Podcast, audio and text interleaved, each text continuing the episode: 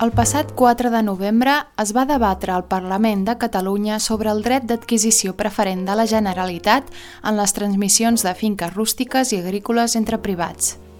Aquest dret de l'administració és vigent des de l'any 2008 a través de la Llei de Contractes de Conreu 1 barra 2008. En la seva intervenció al Parlament, el diputat Salvador Vergés, de Junts per Catalunya, va qualificar aquest dret de comunisme intervencionista pur. Anem a escoltar la seva intervenció.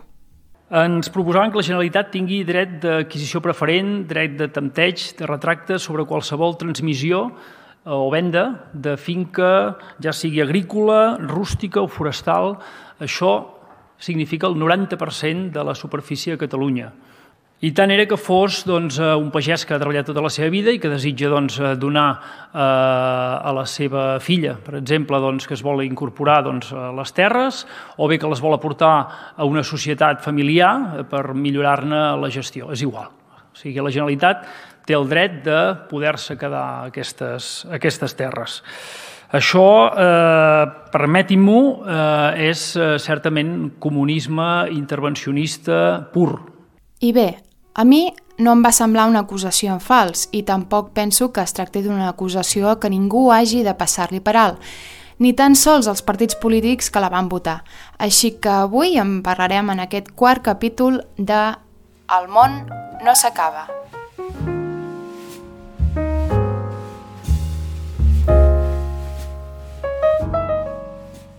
El dret d'adquisició preferent s'exerceix a través del dret de tanteig i el dret de retracte. El primer, el dret de tanteig, és el dret que permet a qui en gaudeix adquirir un immoble en preferència per davant d'altres persones que vulguin adquirir-lo.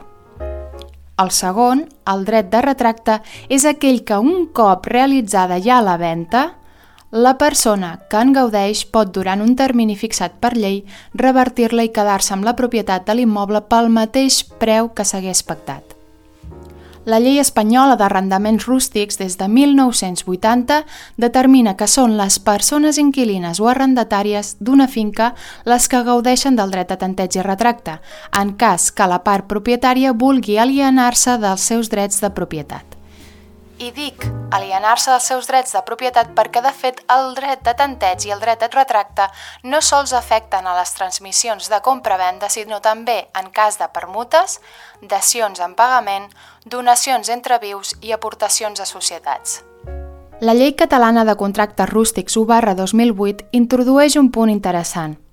Substitueix persones inquilines o arrendatàries per la persona que conrea de forma directa i personal la finca, així que, en cas d'haver un contracte de sotsarrendament, sempre serà el qui faci ús de la finca qui tingui el dret de tanteig i retracte. Aquest punt és realment interessant, doncs promou i vetlla per la conservació de l'ús agrícola de les terres. Ara bé, és lícit que la Generalitat, en cas que els copropietaris, la família i la part arrendatària no vulguin adquirir l'immoble pugui exercir el seu dret de tanteig i retracte sobre la finca per davant de qualsevol altra persona? Suposa aquest dret un perill democràtic? El món no s'acaba. Avui parlarem del dret de tanteig i retracte, de l'expropiació i la confiscació de finques rústiques i agràries i reflexionarem sobre què passa quan l'administració gaudeix d'aquests drets.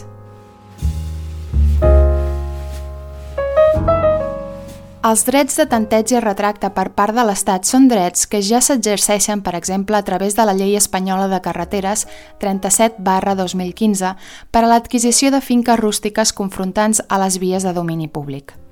Però aquest dret, cal recordar, només es pot aplicar quan la part propietària vol deixar de ser propietària de la finca. Així que, en cas que l'Estat o qualsevol administració pública vulgui adquirir una finca d'una persona que no desitja deixar de ser-ne propietària, ha de recórrer a l'expropiació. A més a més, per a qualsevol administració, l'expropiació resulta més econòmica que exercir els drets de tanteig i retracte, perquè el preu d'una finca adquirida a través d'aquests drets és marcat per una taxació, és a dir, per la propietat, mentre que en l'expropiació el preu de la finca és imposat per l'administració segons el reglament de valoració de la llei del sol, que sol ser bastant inferior. Així que, en tot cas, si hem de titllar de totalitarista alguna d'aquestes accions, la llei d'expropiació és més injusta que el tanteig i retracte, doncs s'imposa la voluntat de la part propietària. L'expropiació porta regulada l'estat espanyol des de 1954 i és el dret de qualsevol administració pública per a l'adquisició obligatòria d'un bé a canvi d'una contraprestació. És a dir, l'administració pública interessada valora i paga el seu valor a la part propietària a canvi de l'adquisició del bé, ja sigui per a l'execució de carreteres o per al desplegament de qualsevol projecte d'utilitat pública i interès social. Clar que, com ha de ser un projecte per ser d'utilitat pública o d'interès social? Qui decideix que l'objectiu d'un projecte pel qual s'expropia una finca té més valor públic el que tenia abans de l'expropiació? És lícit que una administració expropiï finques d'ús agrícola que alimenten famílies per a l'execució d'un parc temàtic, per exemple? És lícit utilitzar l'expropiació per facilitar una venda barata i sense opositors a una empresa que mou milions? Doncs això ha passat i ningú ha titllat aquesta llei de totalitarista.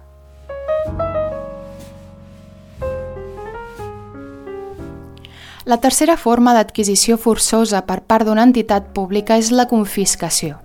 La confiscació és una figura que existeix pràcticament en tots els codis penals, no sols en els estats comunistes intervencionistes purs. En el cas espanyol, la confiscació consisteix en la privació i desplaçament de la titularitat del bé o dret que passa a ser de titularitat de l'Estat i es justifica en el nostre ordenament jurídic penal per haver comès un delicte o falta. A diferència de l'expropiació, una confiscació no exigeix cap contraprestació. L'Estat s'atribueix la propietat d'un bé sense pagar res a canvi un cop s'ha demostrat que la part propietària ha comès un delicte o falta en l'adquisició del bé. Ara bé, qui garanteix que l'Estat o una administració pública no utilitzarà mai aquest dret de confiscació al·legant càrregues penals en fals contra la part propietària per adquisició il·lícita d'un bé? O pitjor encara, qui garanteix que en un estat d'alarma l'administració no s'apropiarà de béns privats per a l'enriquiment d'empreses que obtinguin beneficis a costa d'un desastre natural, pandèmia o guerra? L'article 55 de la Constitució i la Llei Orgànica 4 barra 1981 ho permeten. Vivim aleshores en un estat totalitari? Finalment, la quarta forma d'apropiació pública és aquella que succeeix quan es desconeix la part propietària d'un bé.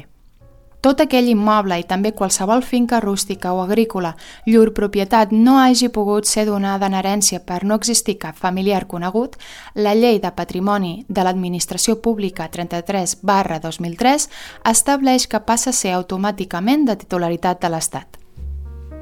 I quants d'aquests béns, que són finques rústiques, es troben abandonades?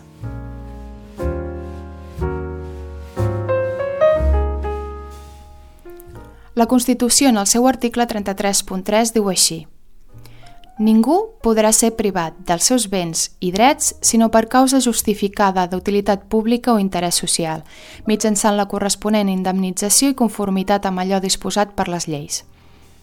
És a dir que, en cas que qualsevol administració pública exercís alguna d'aquestes quatre formes d'adquisició de béns, ha de vetllar per l'interès social i utilitat pública però sol confondre interès social i utilitat pública amb l'interès de creixement econòmic, perquè si no, per què existeixen tants immobles de titularitat pública abandonada?